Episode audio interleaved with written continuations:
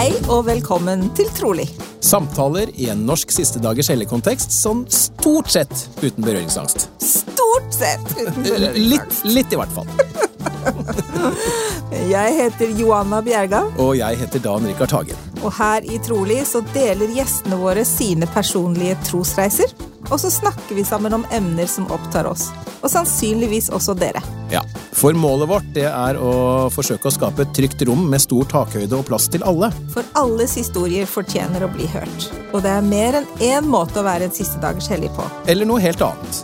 Trolig-podkasten skal være et sted der vi kan snakke om alt det vi kanskje ikke tar oss tid til, eller tør å ta tak i ellers. Vi minner om at Trolig-podkasten ikke er i regi av Jesu Kristi kirke og Siste dagers hellige, og at det som ble delt her, er våre og gjestenes personlige meninger og erfaringer. Velkommen til en ny utgave av Trolig-podkasten, og hei på deg, Johanna. Hallo, Dan. Så hyggelig å se at sola skinner i Stavanger. Jeg ser det i det vinduet bak deg der. Ja, skinner og skinner, fru Blom. Det er, men det er i hvert fall lyst ute. Det er jo juni, tross alt. Ja, ja, ja, ja. Du, da er vi klare med nok en utgave, vi altså. Det er vi. Og i dag så har vi med oss Carl Tønnes Svanes. Ja. Og han sitter på Evje. Og de fleste av oss har vel bare et forhold til Evje som en eh, Hva er det for noe? En militærleir? Eh, Fortell oss litt mer, Tønnes. Hva mer er det på Evje? Ja, nei, Evje det er en naturperle av dimensjoner det er blitt eh, etter hvert som årene har gått. Nei da. Det er, det er en flott plass midt i hjertet av Setesdalen. og For mange mange år så havnet det her. Eh, Jeg høres jo ikke akkurat ut som jeg kommer fra Evje, eh, men jeg migrerte der for en 30 år siden, kan jeg tenke. Sammen med mor, som kom ned her. Og Så bosatte vi oss her og har funnet meg veldig godt til rette her nede. Carl Tønnes Svanes er ditt fulle navn, og vi lurer jo, og sikkert en del lyttere på, hvem i all verden er nå Carl Tønnes? Kan du fortelle litt om deg selv? Ja, du vet det er et stort mysterium, det er det der som jeg lurer på mange ganger selv. Ja. Nei da. Nei, hvem er jeg? Uh, nei, jeg er en person som uh, mange andre, som uh, ja, har hatt en reise som, med en del utfordringer. Og jeg har jeg vel, Det jeg kan si sånn i et kirkelig perspektiv, så er vel jeg en person som en gang for over 23 år siden kom inn i kirken. Også av eh, en del forskjellige grunner som jeg kan komme inn på litt, så, så forsvant jeg ut av kirken. Og eh, om en måned fra i dag så ble jeg medlem på nytt. Ah. Ja, så det eh, vi har snart ettårsdag som medlemmer i kirken. Meg og min kone. Så flott, så flott. Men hvor kommer du opprinnelig fra, hvis vi starter der? Du, jeg kommer fra Bergen, som du sikkert hører. Eh, Jeg vokste opp i het Loddefjord i Bergen. Jeg var ikke medlem eh, fra jeg var liten. Jeg ble medlem først når jeg var rundt 21 år. Eh, Men eh, ja eh, Bodde med min mor og min far, og vi hadde en fantastisk familie. Jeg hadde en søster som het Henriette med Downs syndrom. Fantastisk solstråle. Og eh, vi hadde det egentlig veldig greit. Eh, Men så skjedde det som kanskje skjer ofte. Det ble skilsmisse mellom eh, mor og far. Og så begynte de å liksom snuse litt på hver sine nye eh, livsledsager og sånt noe. For meg så synes jo jeg det var helt fantastisk i starten. For da var det jo sånn at jeg kunne Når jeg var på besøk hos pappa, så fikk jeg egentlig alt jeg ville der. Og så kom jeg på besøk til mamma, så spurte hun hva vi fått hos pappa. Så sa vi å nei, og sånn. Og så fikk vi noe der. Så vi ble jo eksperter til å få alt vi ville. Eh, kanskje ikke helt sånn kirkelig korrekt eh, akkurat, men eh, nei. Så kom det jo etter hvert inn en eh, eh, håper jeg nye, nye stefedre og stemødre på hver side. Og da var jo jeg såpass uheldig at uh, en av de som kom inn i, i bildet, ikke var så veldig grei med oss. Uh, og uh, vi ble utsatt, både meg og min søster ble utsatt for en del ting som var veldig traumatiserende. Mm. Uh, som ikke skal skje når du er liten, eller når som helst for den saks skyld. Og det påvirket meg veldig. Og fordi det er kanskje noen som kjenner meg eh, fra litt sånn se og hør og sånne ting, men jeg begynte å tostespise og legge på meg. Og maten ble det eneste som kunne gi meg fred fra tanker, depresjoner eh, Ja, det kaoset som kom med å prøve å forstå hva, hva, hva som skjedde. Mm. Og eh, ja, årene gikk, og og maten den, eh, den, ble brukt hyppig, så dette lå på med veldig mye. Så når jeg etter hvert hadde kommet opp i en alder av rundt eh, ja, 17-18 år, så hadde jeg bikka 200 kilo. Ja. Og eh, etter mye frem og tilbake og kaos i livet, så ja, flytta jeg litt frem og tilbake. Min mor flytta til Evje, det var liksom der vi rømte til og prøvde å bygge opp et liv, men så hadde jeg en periode flyttet tilbake til min far. Litt, litt sånn frem og tilbake. Men til slutt så, så kom min mor og henta meg ned til Evje, for da var det liksom så blitt så ille helsemessig. Jeg, satt, jeg var stort sett i sengen. Det var liksom livet mitt. Eh, ligge i sengen og vente på at jeg kanskje ikke skulle våkne opp. Det var så ille. Ja, Var det et ønske? Ja, jeg, jeg, altså du kan si det sånn at jeg har alltid hatt en tro med meg eh, gjennom hele livet. Det har vært den tryggheten. Det har vært, det har vært viktig for meg å vite at det er en mening med, med alt dette her som har skjedd. Eh, så, så, jeg har egentlig alltid hatt en slags kontinuerlig dialog med, med Gud, eh, med min himmelske far, hele veien. For jeg stolte jo ikke helt på voksne mennesker. Men han var liksom den gode, trygge som var der og hjalp meg.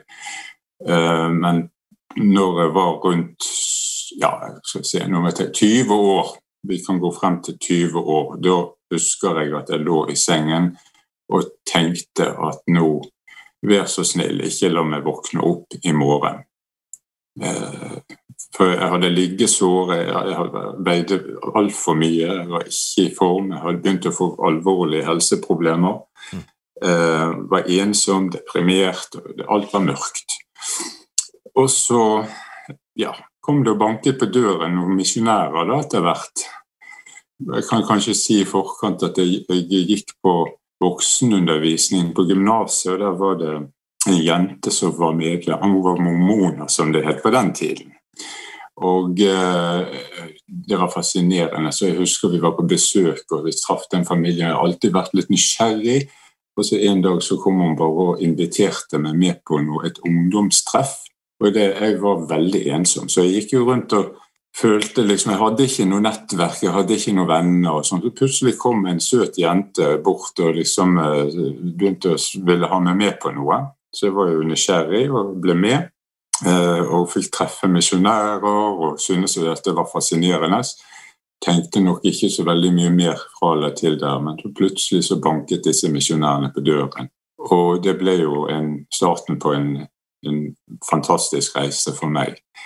Eh, jeg fikk undervisning, jeg var med på alt mulig, seminarer før jeg var medlem nesten en gang. Eh, og jeg slukte det råttet, Så helt, dette her var en helt ny mening. Og selv om jeg følte at jeg hadde liksom min himmelske far med meg, så begynte jeg å skjønne litt mer konteksten rundt dette her med min himmelske far. Og, og, og dette her med, at, eh, med Jesus Kristus, hva han hadde gjort for oss. Og, og det var bare så fantastisk. Så, eh, så, da ble jo jeg døpt. Eh, og jeg husker jeg var så stor. Dette var i Kristiansand menighet da, for 23 år siden.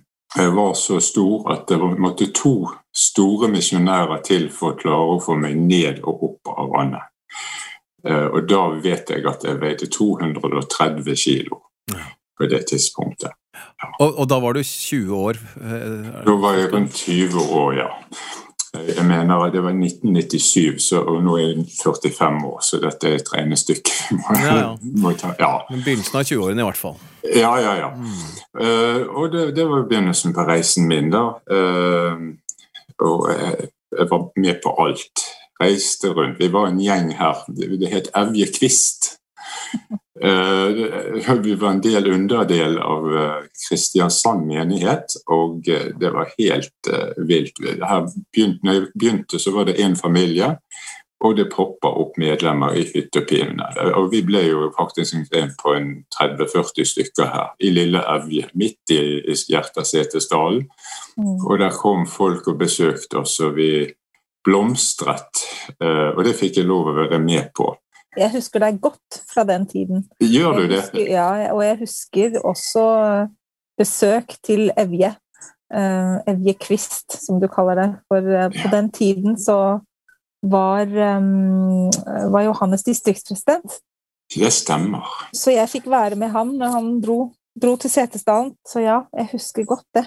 Ja, jeg husker godt. Det kom alltid folk på besøk til oss, og vi fikk nye medlemmer. og Det var dåp, og det var fikk prester. Men jeg tror jeg hadde fem-seks kall samtidig, for vi var jo en liten uh, menighet der. Så det, og vi reiste rundt og besøkte. Vi var ofte i Stavanger.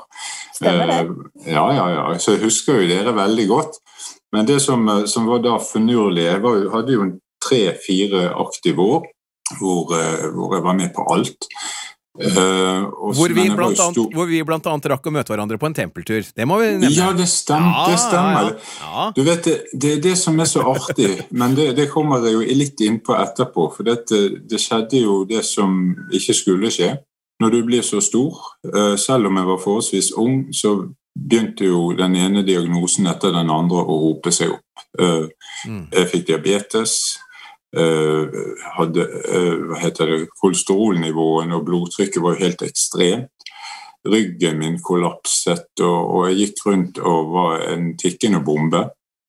Eh, gikk til legen og sånn, men det, det, var liksom det var så, De hadde ikke sett sånne enorme overvekstproblemer. Det var ikke sånn slankeoperasjoner og slankeleirer og sånt noe, sånn som det er her i dag i Norge. Men uh, så uh, begynte jeg å bli virkelig syk, og da fikk jeg beskjed om at det sto veldig dårlig til. Uh, hjertet mitt holdt på å kollapse, og han, jeg var til flere leger og flere undersøkelser og fikk beskjeden om at de trodde ikke at, at jeg kom til å holde veldig lenge.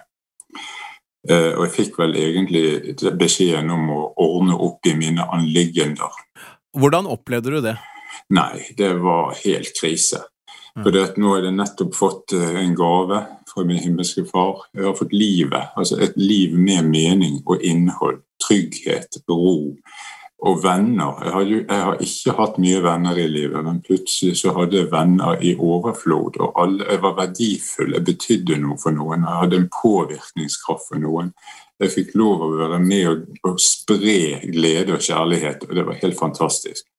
Og så plutselig skulle vi få den beskjeden om at uh, Nei, Tønnes, dette var bare en liten prøvesmak. Mm. Jeg hadde jo selvfølgelig troen på et liv etter døden, men det, jeg havna i en dyp, dyp depresjon. Mm. Og det førte til at, uh, at jeg uh, måtte reise av gårde. Uh, måtte til, vi måtte helt til Danmark for å finne et sted hvor jeg kunne få hjelp på den tiden. Ebeltoft kursenter i Danmark. Um, og jeg, jo, jeg, hadde jo ikke noe kjæreste eller noe, egentlig ikke noe sånn liv utenomfor kirken. Kirken var livet mitt. Så jeg, og Opp gjennom oppveksten og sånn, når du er så stor som meg, så var det veldig mange begrensninger. Veldig introvert. Så jeg har egentlig ikke opplevd så mye før jeg eh, traff på misjonærene og kirken. Men så kom vi da til Danmark, og der tok det jo helt av. Jeg var der i ti måneder og gikk ned 100 kg. Bare ved å trene og spise og løpe rundt. Og for første gang i mitt liv så var det noen jenter som viste interesse for meg. Jeg hadde jo hatt erfaring med jenter før, som på ungdomsskolen, men da var det mer sånn at jeg hadde skrevet et kjærlighetsbrev, så kom jeg noen dager etterpå, så hang kjærlighetsbrevet liksom på hele skolen, og alt var bare sorgent, liksom. Jeg hadde ikke tro på det. Men dette her var noe helt annet. Dette var noen som beundret meg fordi at jeg gjorde noe, og det var jo en motivasjon i seg selv. Og da, ble det jo veldig mye. Så jeg, jeg, vil nesten si at det året der nede, da ble jeg introdusert for veldig mange ting. Altså da, For det første fikk jeg kjærester. Jeg fikk plutselig være med på første festen. Og eh, det, nå var jeg i alder 27 år her nå. Og Der ble introdusert for alkohol og røyk og fest og tjohei, og det var jo bare det var så gøy. Og kirken den ble liksom Jeg var litt sinna på Gud. At han, at han, kunne liksom utsette meg for dette. Så mens jeg var opptatt av å være sinna på Gud, så, så var ikke i stand til å se de store miraklene som skjedde. Jeg fikk jo faktisk svar og hjelp til å gå ned. For hvem som helst kan prøve å gå ned 100 kg. Det, det, er litt av en jobb. Det skjer ikke av seg selv. Nei. Eh, og, det... og, ikke, og, kanskje ekstra vanskelig er det jo, for altså, i de tilfeller så er det jo ikke bare snakk om at du var glad i mat. Nei, dette, var jo faktisk, dette var jo en psykisk sykdom for deg. Det var en psykisk sykdom, og det var vel kanskje også til og med en måte på, en langsom måte å gjøre slutt på det hele. Fordi at man ikke tørde å gjøre noe annet.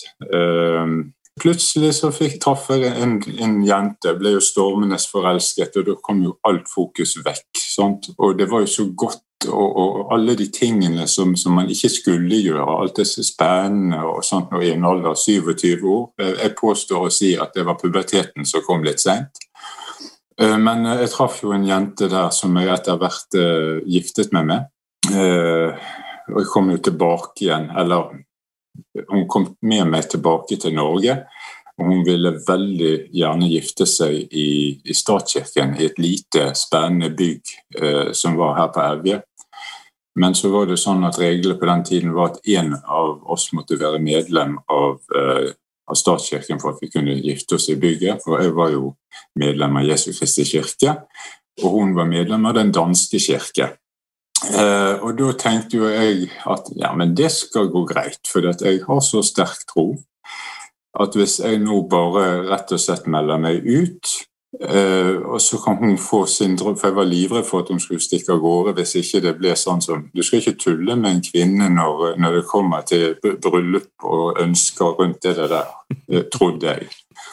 Men hun var jo ikke kristen i det hele tatt. Men jeg tenkte det, det skal vi ordne. Jeg hadde jo den troen etter å være med å bygge opp eh, Kvist at alt kunne skje. Mirakler. Bare alt går greit. Eh, men det ble ikke helt sånn. Eh, jeg, var ikke, vi giftet oss, jeg meldte meg ut, sendte brev. Jeg husker det smakte forferdelig vondt, men jeg var bombesikker på at dette skulle gå så inderlig greit. Så planen din var egentlig da også å melde deg ut, ja. melde deg inn i Den norske kirke, gifte ja. deg, og så melde deg ut igjen, og så komme tilbake til eh, Evje Kvist? Det var en ordentlig skam, uh, som jeg sier. Ja, jeg vet ikke helt hva jeg tenkte på den tiden. Jeg var vel uh, litt uten veiledning, for jeg glemte jo det viktigste av det hele. Og det kanskje å spørre min himmelske far om hva han syns om dette her. Uh, men jeg var litt ute på galeien. og så ble det jo til da at jeg havnet i det som jeg liker å kalle et åndelig mørke. Det vil si at jeg plutselig så stoppet uh, signalene å komme. For jeg har alltid hatt den dialogen gjennom livet, men plutselig stoppet det opp for mitt vedkommende.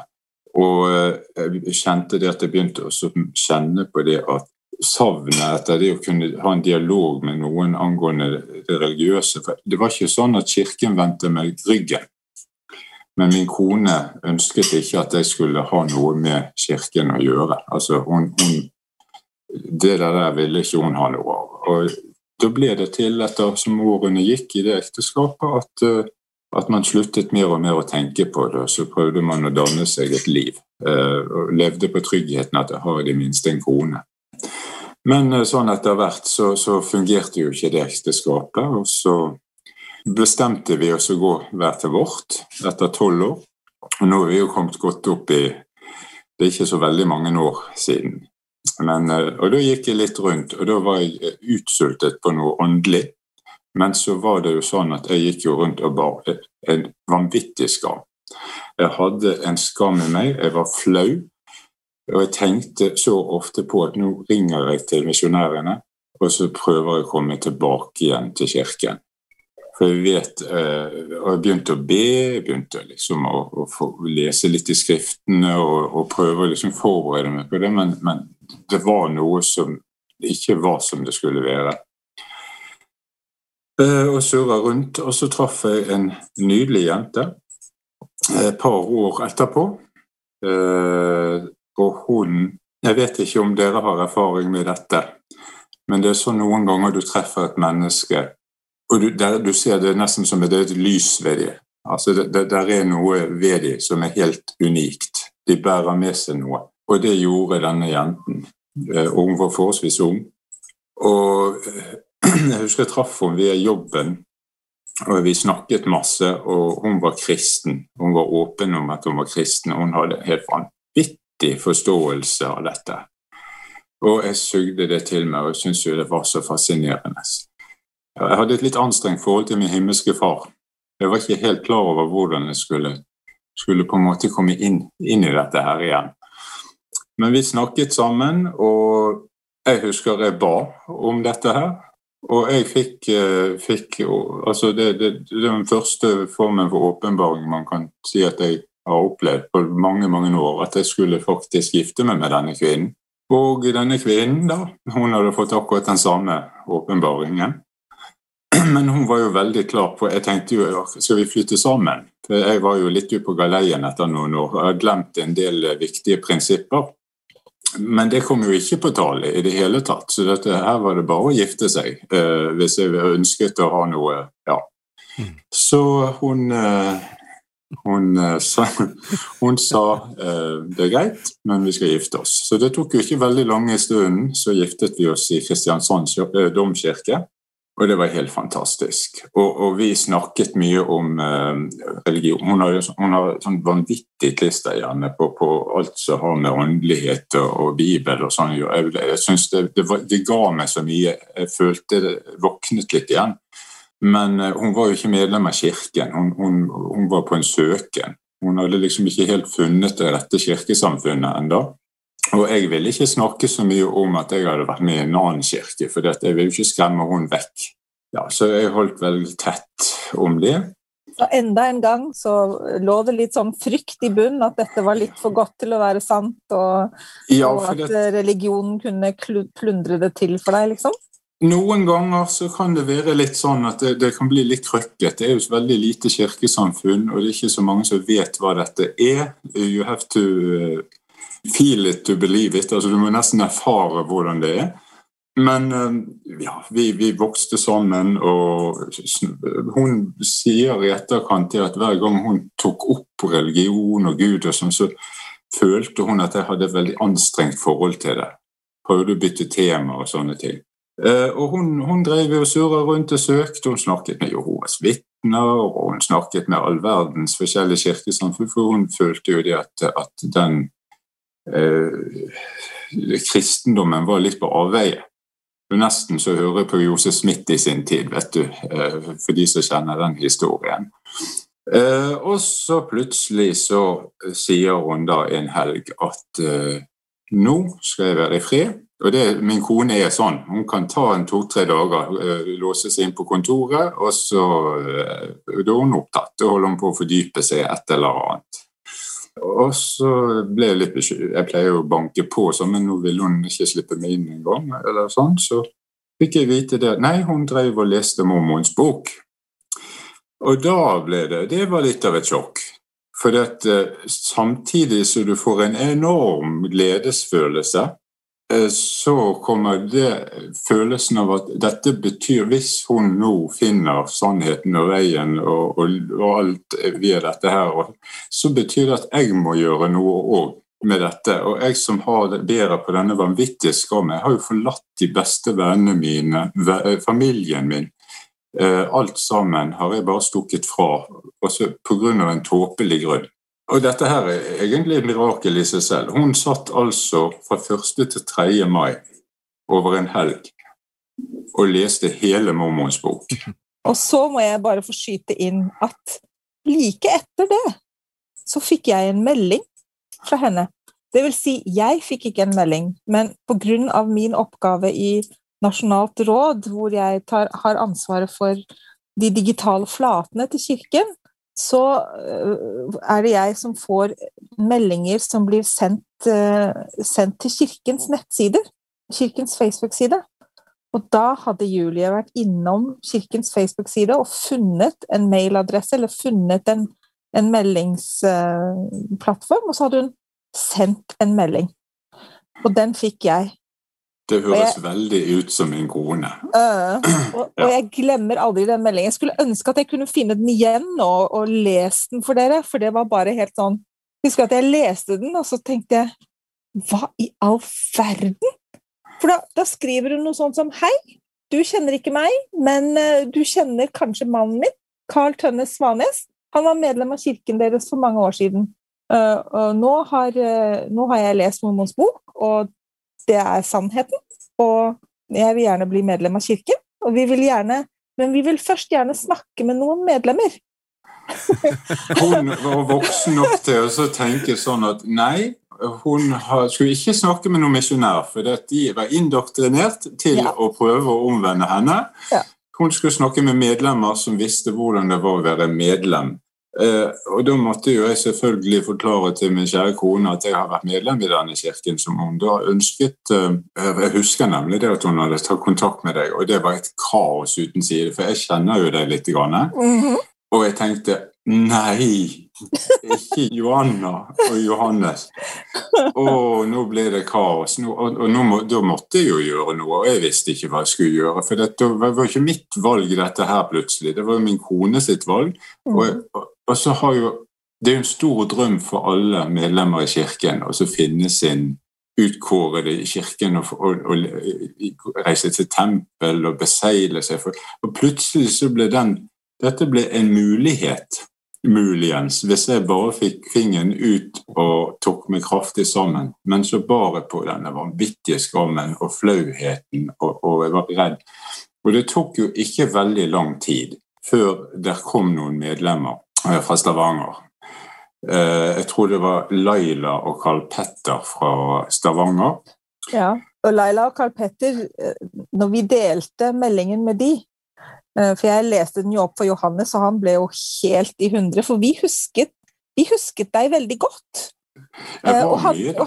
ja, og vi hadde jo fulgt litt med på deg, ikke sant? Og, og, og, lest artikler om deg og sett at du ikke sant? Den siste artikkelen jeg leste, var jo etter at du var blitt gift i Danmark og jobb, jobbet på Evje og hadde det godt. ikke sant? Og jeg var så glad. Jeg husker faktisk at jeg sendte deg en melding en gang og sa at det var så fint å lese om deg, og, og, så fint å se at du har det godt. liksom. Så denne nye meldingen tok oss jo fullstendig på sengen. Og, men, men vi ble jo så utrolig glad og, og Carl Petter og Laila de heiv seg jo nærmest i bilen tvert. 17. mai så kom de her, vet du. Og så ja. var det jo ikke veldig kort tid etter før selveste Johanna og Johannes og, og hele bølingen kom med hun Nemi på slep. Stemmer. Eh, og, og, det var jo helt Jeg husker jeg var, hadde så angst før det møtet. Jeg skalv, og jeg visste Og jeg, jeg ba jo. Jeg ba Eh, jeg var begynt å be litt igjen, og sånn, for nå måtte jeg jo få et eh, forhold til min himmelske far igjen og få fingeren ut her. Og jeg skjønte ikke at noen ville ha meg tilbake, og folk kom sikkert til å snu ryggen til meg hvis jeg hadde så rare bilder inni hodet at det er ikke var Jeg husker vi snakket mye om dette med skam. Eh, og, og, og der delte noen fine skriftsteder og prøvde å overbevise meg om at den skammen, det, legg det bak deg. Det alle vil bli glad for at du kommer tilbake til kirken, Tønnes.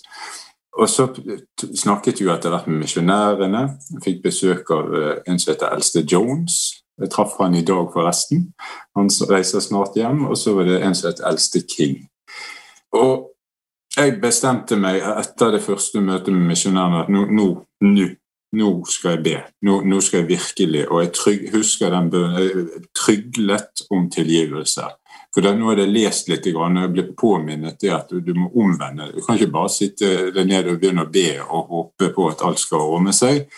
Så da, da gikk jeg gjennom hele prosessen og, virkelig bare fikk ut alt og ba om veiledning og, og hjelp til å, hva skal jeg gjøre. Og ingen svar. Som vanlig, tenkte jeg. Og jeg skulle på jobb eh, dagen etterpå, så jeg skulle sette alarmen på telefonen, og så pang, popper det opp et eller annet varsel fra YouTube. Og jeg har ikke brukt YouTube på lang, lang tid.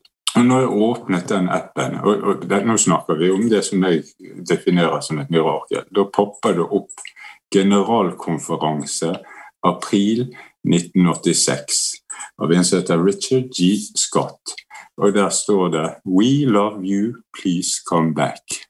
Og Det sier noe sånn som dette på norsk. Til deg som har valgt denne sti, jeg ber deg inderlig, kom tilbake. Kom tilbake til det friske, rene vannet av personlig renselse. Kom tilbake til den kjærlige himmelske Fars varme og trygghet. Kom tilbake til den indre sinnsrom som du får ved å etterlive budene fra din eldre bror Jesus Kristus. Og jeg vet ikke hvordan jeg kan Nå ble jeg litt sånn Du er ikke alene? Og så sitter, og, da kjente jeg bare det grepet som jeg ikke har hatt på veldig lang tid. Jeg bare kjente at ånden tok grep over meg og, sa til meg vet du, kom tilbake til kirken, store ting skal skje. Og, og da var jeg klar. Jeg, jeg, skulle tilbake til kirken. Jeg skulle ikke skamme meg. Kristus han ville ha meg tilbake. Og hele meningen med hele kirken er jo det at vi skal, vi skal komme tilbake. Og vi kommer til å havne på galeien. Vi kommer til å havne ut på forskjellige spor. Og det er den lærdommen jeg har tatt. Både at jeg, Noen av oss er litt teitere enn andre og bruker litt lengre tid. Men det er alltid mulig å komme tilbake til vår himmelske Far. Og det gjelder alle. Og det betyr så mye for meg. Eh, også I tillegg så fikk jeg en kone som ble medlem i samme slengen. Og så sitter jeg og sutrer og tenker på Hvorfor får jeg aldri sett noen mirakler? Det skjer jo aldri noe bedre. Og så tenker jeg det at tenk, jeg tenker Hvis jeg ser på min situasjon sånn som den er i dag Jeg veide 230 kilo, jeg gikk ned 130 kilo. Det var et fantastisk mirakel. Jeg jobber på Evjeklinikken, som er et livsstilsendringssenter for overvektige. Jeg får bruke min historie og min bakgrunn mine erfaringer for å hjelpe andre mennesker. Eh, nå, har jeg jobbet der i, i 16-17 år. Jeg har fått hjulpet veldig mange mennesker. og Det jeg har tenkt på så mange ganger, det er det at alle disse prinsippene som vi lærte i kirken, med å være et godt eksempel eh, altså Skal du ned i vekt, så må du ha tro. Du må sette deg mål. Du må jobbe mot mål. Og, og hvis du gjør det du skal, Eh, så, så, er det stor sjanse for at du når målet. Eh, og det er liksom noe der fremme som du kan jobbe mot. Eh, alle prinsippene er samme som jeg lærte i kirken. Og det kan jeg bruke på forskjellige områder i livet. Og det, det er noe som har bitt seg fast. Og, og, det at min historie, som har vært ganske traumatisk, den, den gir verdi ved å dele den med andre. Så at livet er ikke bortkastet. Det er alltid en grunn til at du alt du har opplevd, kan brukes til noe. Selv om det har vært både positive og negative ting. Og det er det som har reddet meg.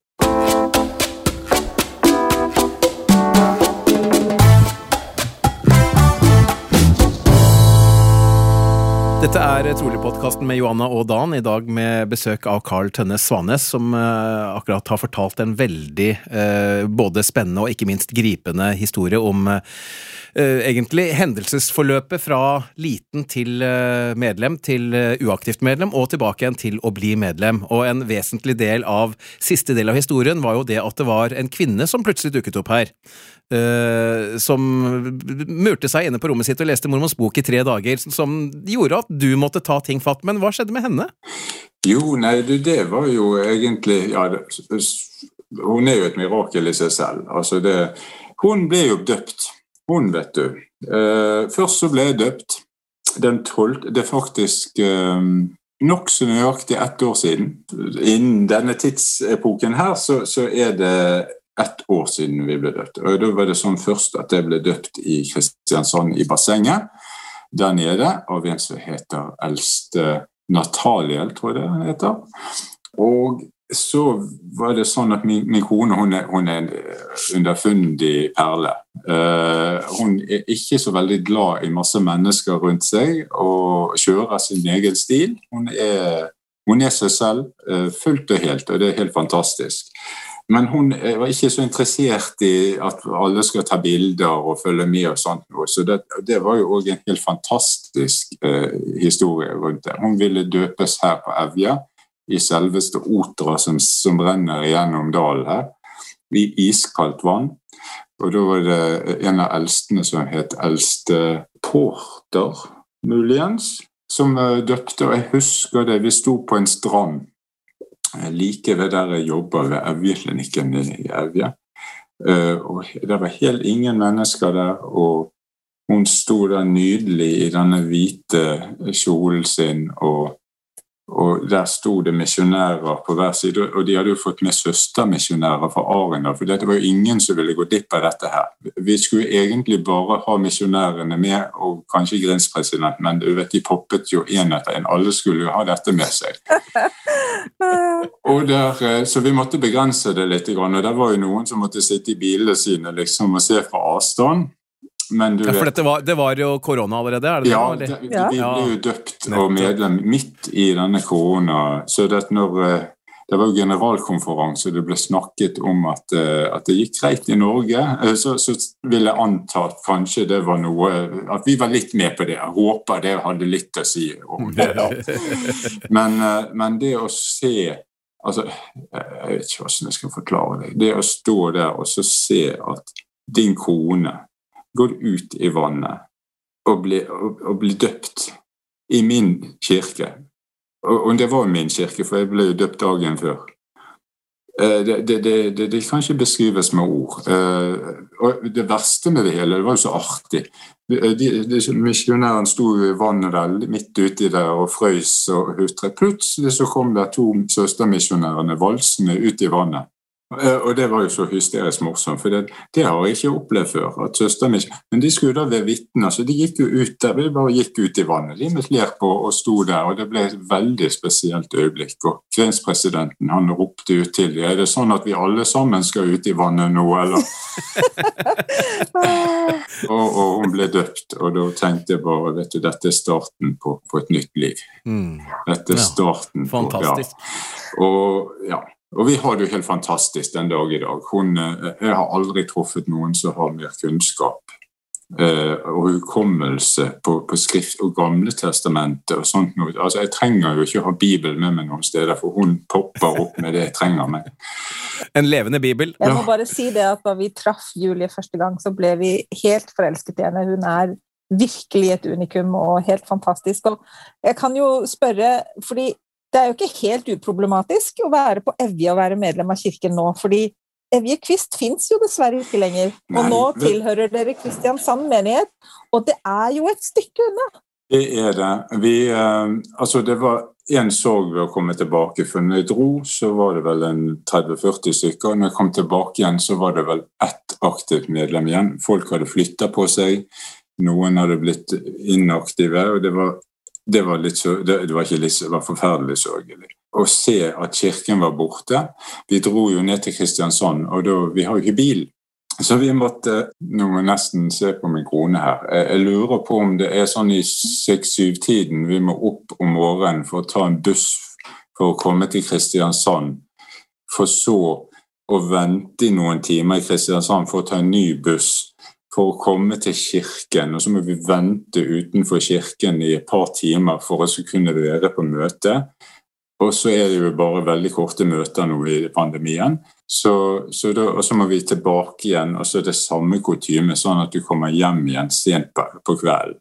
Og det har jo vi gjort. Eh, men så ble det jo stengt ned. Og det, altså det å komme tilbake og finne ut alt det fantastiske som har skjedd med denne kirken på 23 år det, det, er nok ikke så lett for, for, dere som har vært medlemmer hele veien å se, men det har skjedd veldig mye positivt med denne kirken. Plutselig, så, For 23 år siden så var det ingenting som het PC. Mm. Eh, vi satt og klippet ut fra gamle bøker og lys over Norge, som det het på den tiden, og liahoner og sånt, og så limte vi og kopierte og delte ut og styrte her til seminarer og sånn. Men nå er alt på nett, og det er kirkemøter på nett, og det har vært Zoom-møter, og det har vært eh, vi har hatt masse samtaler med misjonærene på nett, og plutselig alt så tilgjengelig.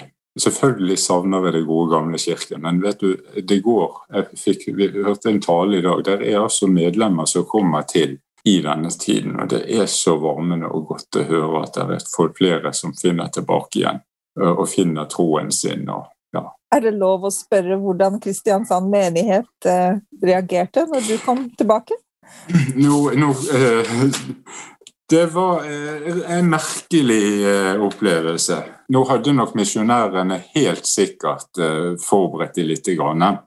Men jeg husker det, som er litt spesielt, da, det er det at min kone, som, som vi har snakket om, hun, hun, er da det som heter goter. Altså hun, hun har en litt alternativ stil og skiller seg veldig ut.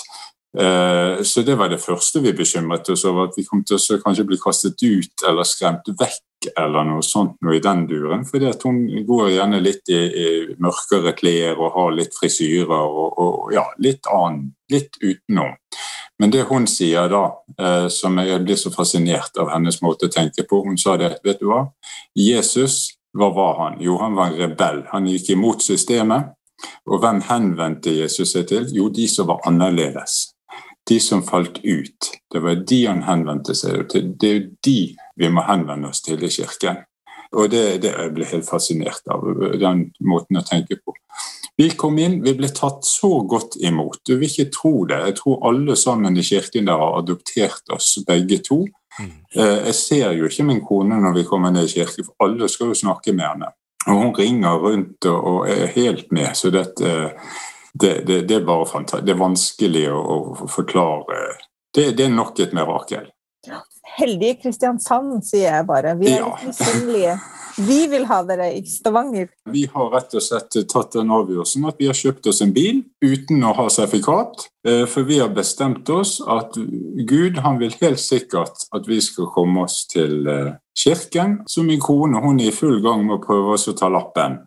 Og det blir jo litt bedre da når dere slipper å bruke tolv timer for å komme fram og tilbake til kirken. Ja, det blir litt langt. Og vi, vi ønsker jo å få barn og sånn etter hvert. Og dere som da har vært eh, medlemmer i, i lang tid, dere vet jo det at det ikke bare bare å få med barn eh, hvis du skal bruke tolv timer for å komme til kirken. ikke da heller. Nei. Men du, Karl Tønnes, det er en ting jeg eh, lurte litt på. Um, du har jo beskrevet veldig godt eh, trosreisen din. Eh, fra at du ble medlem første gang, da, for å si det på den måten, til at uh, du ble, som du sier, da, sterkt overvektig og, og falt ut igjen da, på grunn av uh, blant annet ting som skjedde i Danmark. Ja. Og så gikk det jo en tid. Uh, og så sier du blant annet at du var flau og bar på mye skam. Men ja. på tross av det var liksom troen der fortsatt? Var det fortsatt Jesu Kristi kirke som gjaldt, liksom? Hvordan, hvordan var det for deg? Altså, selv, Nå var det jo sånn at, eh, at, jeg meldte meg jo ut av kirken for å kunne gifte meg, og det var jo én ting. Men jeg har alltid hatt troen med meg i mitt hjerte. Eh, fra den dagen jeg ble døpt første gang. Eh, jeg har gode minner rundt det òg. Men fra den dagen så ble min tro definert. Eh, men kanskje det som endret seg, det var kanskje det at jeg hadde litt for sterk tro på at jeg kunne klare det umulige, liksom. Jeg, altså, jeg kunne klare meg selv, jeg. Mm. For jeg, jeg, var jo så sterk til og med, jeg, altså Rett etter at jeg ble døpt, så ble min mor døpt. Og så ble min søster medlem. Og så reiste jeg til Bergen og døpte min far i Bergen. Uh, og, uh, det er jo helt utrolig, da. Ja, da, det er helt det utrolig. Det var helt, helt vilt. Så, så, jeg gikk vel rundt med en sånn Supermann-følelse på at alt er jo mulig. Det er jo ingenting Og jeg har gått ned i vekt og det, altså, Alt er jo mulig. Uh, mm. Men så er det ikke sikkert at det skal være helt sånn noen ganger da, men, men, eh, troen var der. Troen var der. Jeg måtte nok bare lære å, å komme ned på jorden igjen.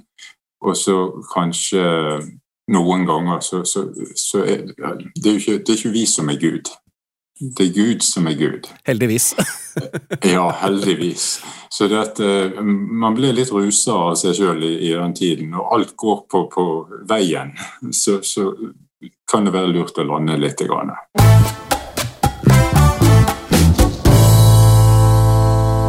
Du hører på Trolig med Joanna og Dan, og i dag snakker vi med Carl Tønnes Svanes, som har delt sin trosreise med oss. Og det, det har jo vært eh, si, Herrens veier er uransakelige, men det har jammen også dine vært. Og, og, du jobber altså på Evjeklinikken, Kan ikke du fortelle oss litt mer om, eh, om jobben din der? Hvordan havnet du der? Fordi egentlig så er du utdannet kokk, er du ikke det?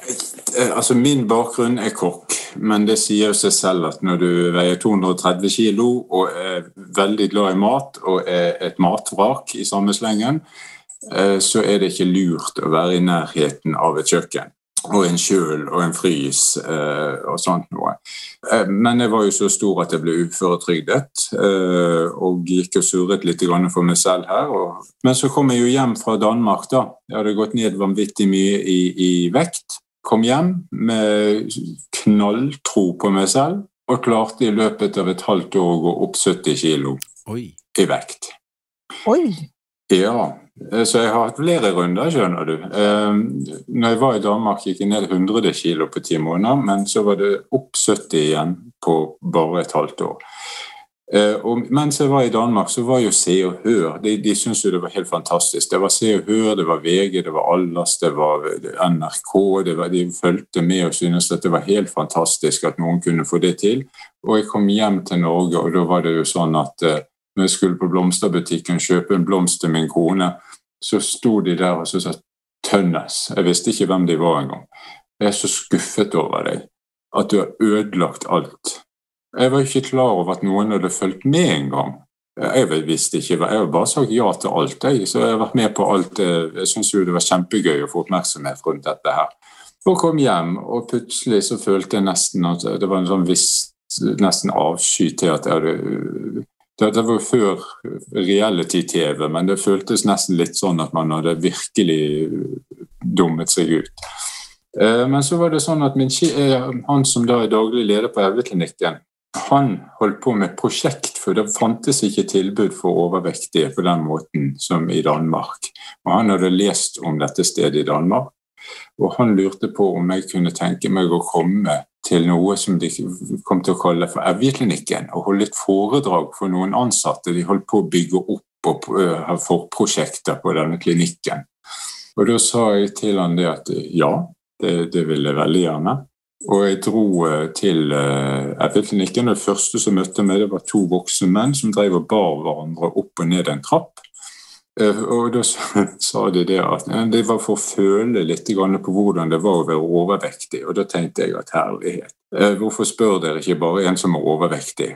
Og jeg kom der, og jeg trodde det skulle bare være sånn bitte lite, at det var en liten gruppe med to-tre mennesker. Men jeg kom inn i et rom som var helt fylt med, med folk fra Aleris i Oslo, og det var all verdens helsefolk. Eh, og jeg fortalte historien min fra A til Å.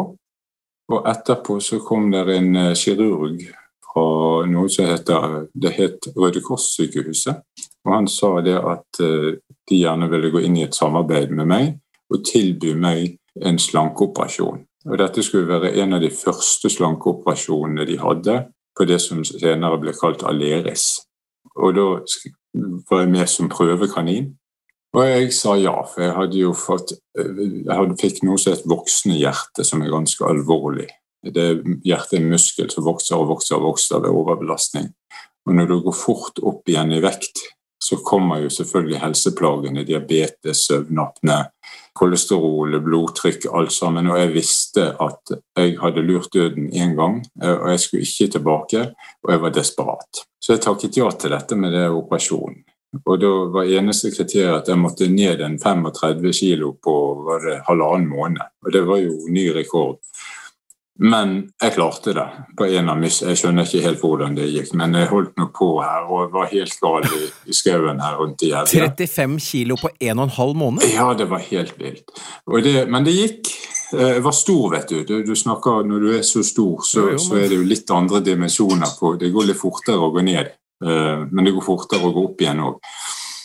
Dette ble jo en lang historie, da. men det som da skjedde, det var det at det gikk veldig bra med den operasjonen i første omgang. Eh, jeg fikk den, jeg raste ned i vekt, men det ble mye komplikasjoner. Tarmslynger, og jeg ble alvorlig syk. Det var, det var så mye. Men når da, det begynte å komme seg, så gikk jo vekten ned veldig fort. Så jeg gikk jo ned 130 eh, kilo på godt og vel et år. Det høres jo helt vilt ut, men da var jeg plutselig helt normalvektig, noe jeg aldri hadde vært før. Eh, og så var jo jeg uføretrygdet, men plutselig så Jeg hadde jo ikke Hvorfor skulle jeg være uføretrygdet? Eh, var det en saksbehandler som sa. Ja, men du er jo ikke, du er frisk og fin nå.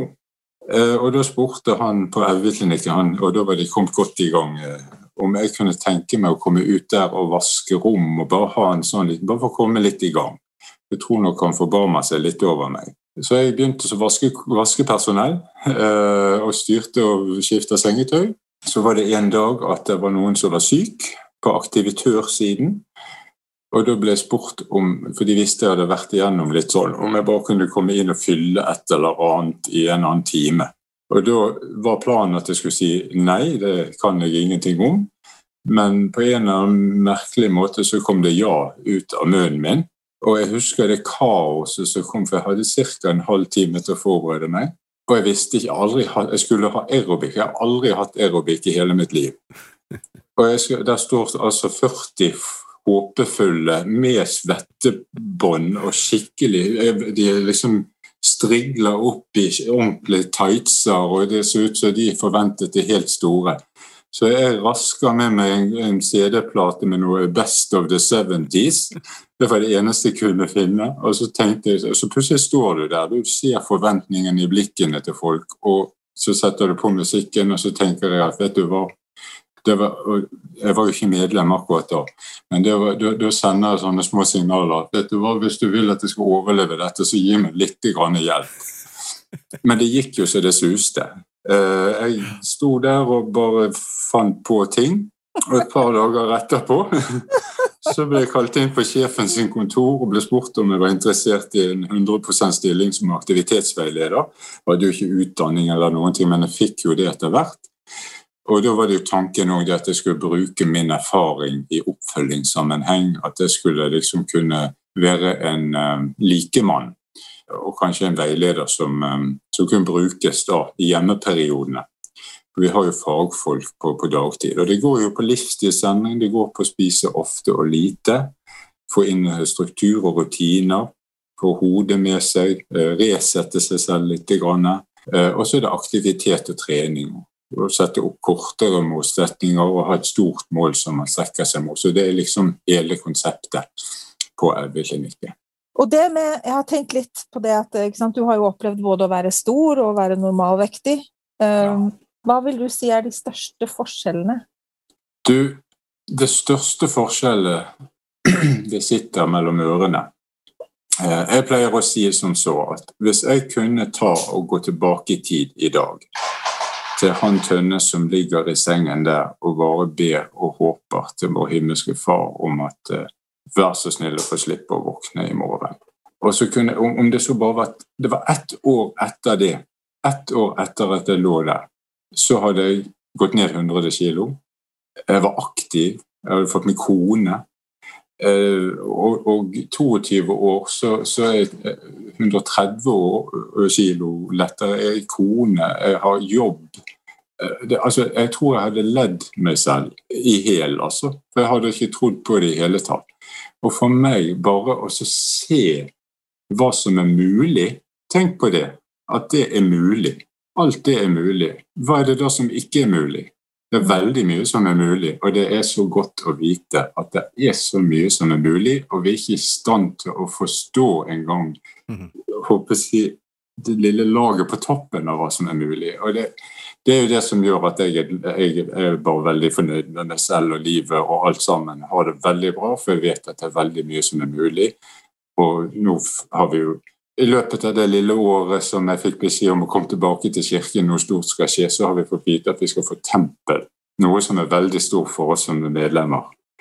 Eh, så, så jeg vet ikke. Jeg, bare, jeg, gleder meg bare til fremtiden. Og det største som kan skje, er jo at vår himmelske At Kristus kommer tilbake. og, Det er så veldig mye som kan skje.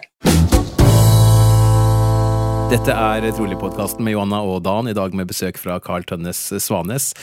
Eh, jeg har helt lyst eh, til å stille deg et spørsmål før vi nå går inn på de såkalte faste postene våre. Og det er, når du nå ser tilbake, eh, hvordan vil du beskrive Herrens hånd i livet ditt? Oh, altså, Han har jo vært der hele tiden, og han er der hele tiden. Han, det, det som er så fantastisk, det er at han er der selv om du glemmer at han er der. Han er der. Selv på de dagene hvor du ikke greier deg og snur deg i sengen og ringer til jobben og sier at 'å, jeg har sår hals', og så har du egentlig ikke sår hals, du er bare trøtt. De dagene er han der òg, og han elsker deg like mye uansett hva du krøll og tull og tøys du finner på. Så, så elsker han deg. Og hvis du bare henvender deg til han, så, så, så er han det. Han er som vår far. Han er en far. Det er eh, helt fantastisk. Og så, er det jo, så har vi jo en bror. Jeg har jo Jeg må jo bare si det at eh, jeg har en bror som ikke vi vet hvem er. Vi har lett etter i mange år. Det er en lang historie, men vi har ikke funnet han ennå. Jeg fikk jo vite at jeg hadde en bror. Det er Jesus Kristus. En eldre bror. Og ikke bare det. Han har gjort det mulig for meg at jeg nå kunne komme tilbake til kirken. At jeg kunne få tilgivelse. Jeg kunne, jeg kunne alt det tullet som jeg har drevet i livet, det kunne jeg bare knipse vekk hvis jeg bare omvender meg og, og, og ber om tilgivelse og, og, virkelig legger dette her på hans skuldre. Jeg har mange venner som bare fnyser av det der. Det er jo bare en fiktiv eh, sånn. Vet du hva? Jeg har det veldig godt i livet med å tro på det. Og heldigvis så kan andre få lov å tro på det de vil òg. Og da tenker jeg at vi nærmer oss våre faste poster. Og, hvordan definerer du tro? Hva er tro for deg, Tønnes? Så, eh, for meg så handler tro om trygghet, å finne indre ro. Og Det er noe jeg har vært på søken etter lenge, men jeg har bare ikke klart å koble det at det er, at det er troen min som gir meg løsningen på, på, på uroen jeg har inni meg. Eh, så, så, troen for meg det, det, gir livet litt mer mening. Altså det er den støtten jeg har, eh, tryggheten jeg har. Det er den fallskjermen jeg har i livet. Og så er det jo det at uh, dette livet det er for meg en prøve hvor jeg skal prøve å bli den beste versjonen av meg selv. Og så tenker jeg som så at dette livet det er bare en bitte liten dråpe. For jeg tror på et liv etter døden, og jeg tror også på et liv før døden. Og denne perioden vi er her på godt og vondt, når, når livet går oss imot og vi bare tenker at uff, dette er altfor hardt, hvorfor skjer alt dette? Det er bare en bitte liten dråpe i evigheten. Og vi vet at det er noe godt både foran oss og bak oss. Og det er det som gjør, eh, som definerer min tro. Det er det som er min drivkraft til å tro. Og så er det jo dette her med at eh, jeg har en himmelsk far som, som er der han svarer på mine bønner. Eh, ikke på den måten som jeg ønsker, har jeg erfart, men han er der. Eh, og jeg kan ikke la være å tro på han når jeg ser på min kone. Hver gang jeg ser på min kone, så er det akkurat som jeg får en påminnelse om at uh, Tønnes, dette har du fått. Og da, da er det passende oppfølgingsspørsmål her. Hvordan hører du ham? Ja, jeg har jo forklart litt hvordan jeg gjorde det når jeg kom inn i kirka. Guds veier er uransakelige. Egentlig så hører jeg ham ved å se ut vinduet. Jeg hører ham ved å se i stuen og se på alle de små atomene av ting som er satt sammen til fantastiske ting rundt meg. Og jeg klarer ikke å tro at dette er bare helt tilfeldig. Så vakre ting som vi har rundt oss. Mennesker en mobiltelefon, en TV-apparat, blomster ned til minste molekyl. Det er ikke en tilfeldighet. Så vakre ting kan ikke være en tilfeldighet. Og det er egentlig alt jeg trenger å, å, å, å gjøre for å, for liksom Det er nok åpenbaring for meg. Og så skjer miraklet mens vi vandrer øh, veien. Og så selvfølgelig har du tøffe tider. Men som jeg sa i sted, dette livet er en liten dråpe og det, er de utfordringene er med til å, forme oss som mennesker, og kanskje bli en bedre versjon av oss selv, tenker jeg. Det er kanskje litt uh, overflødig nesten å spørre om det nå, når du på en måte fremdeles uh, er litt sånn fersk tilbake og, og litt sånn Nyfrelst. I, nyfrelst i sånn honeymoon phase, og alt er ja. bare fryd og gammen. Men hvis det var noe, eller er det noe, som du ser i kirken som du tenker ah, akkurat det kunne godt vært annerledes. Hva ville det vært? Altså for det første, når jeg kom tilbake til kirken, så så jo jeg mange ting som var annerledes. Plutselig så misjonærer kom i blå skjorte, f.eks. Eh, det var jo utenkelig her for noen år siden. Eh, kirken var på nett, det var masse sånne ting. Men I utgangspunktet så er jeg forholdsvis ny, da. Jeg har fått oppleve Kirken under pandemi, så dette har ikke virkelig kommet inn under huden på hvordan alt er enda. Det plutselig så heter det ikke hjemmelærer lenger, nå er det omsorgsfamilie. Men er det én ting jeg tenker på, så er det det at Kirken i seg selv er, er ikke så veldig mye gale med. Men, men det er mange medlemmer i denne kirken, og ingen av oss er perfekte. Eh, men vi strever liksom for å bli perfekte. Men vi kommer ikke til å klare å bli helt perfekte. Eh, og det vil gjøre at eh, selv, selv både profet og, og regjeringspresidenter og statspresidenter kan gjøre feil innimellom. Og det kan skje ting. Så jeg tenker som så at hvis det er noe jeg skulle ønske vi kunne endre på Kirken, så er det å slutte å lete etter feil på Kirken, og heller prøve å gå i oss selv og prøve å finne feil i oss selv. Og så tar vi det som et utgangspunkt. Dette er et sånt mic drop-svar, eh, som det heter på godt eh, engelsk. fantastisk bra, fantastisk bra. Og det siste spørsmålet vi har til deg da, Carl Tønnes, det er rett og slett eh, hva Nå er jo du, som du sier, også ganske fersk som medlem på nytt, men hva er det med ditt medlemskap som du er mest glad for, da? Jeg er stolt av å være med av Jesu Kristi kirke. For det, at, for det første så er det for meg en sånn kirke. Det er en familie du har. Det er noe helt unikt med denne kirken. Og nå har jo jeg snust litt med, på andre ting og tang bare ved å høre på Julie og sånn. Men, men eh, vi ønsker å få familie og få barn. Det var et medlem som, eh, som var kjent for oss å være litt klarsynt, og hun hadde en drøm.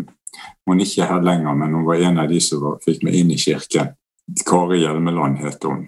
Og Hun sa hun hadde hatt en drøm hvor hun uh, hadde sett meg komme inn på tunet i en minibuss uh, med en litt kraftig uh, kone, og så var det 13 barn i baksetet. Okay.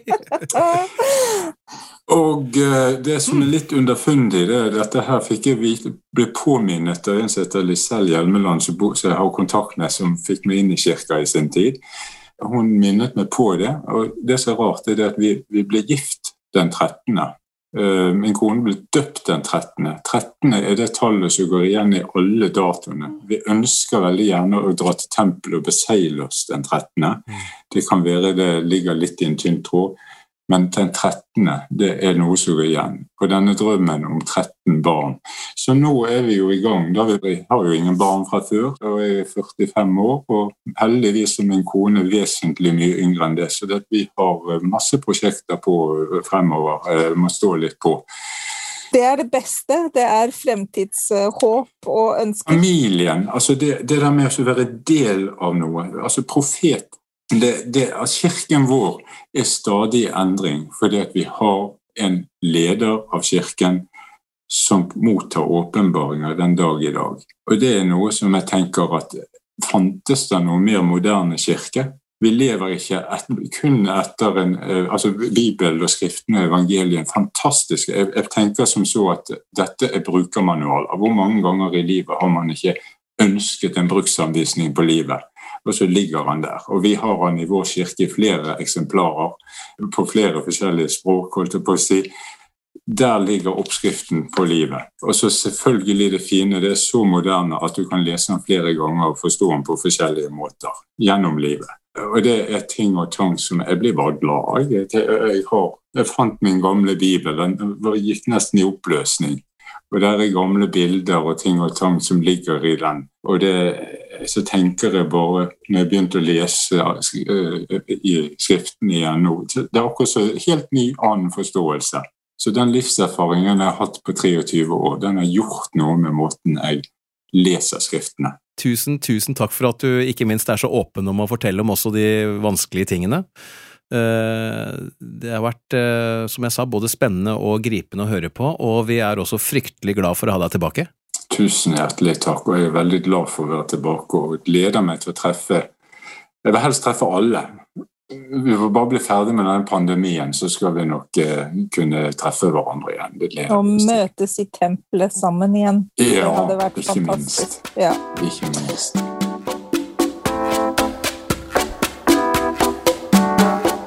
Tusen takk for at du hørte på dagens episode. Om to uker så er vi tilbake med en ny spennende samtale. Men allerede om én uke kommer en ny utgave av nyhetsbrevet vårt, Mer enn trolig, som du kan abonnere på via Facebook-siden vår.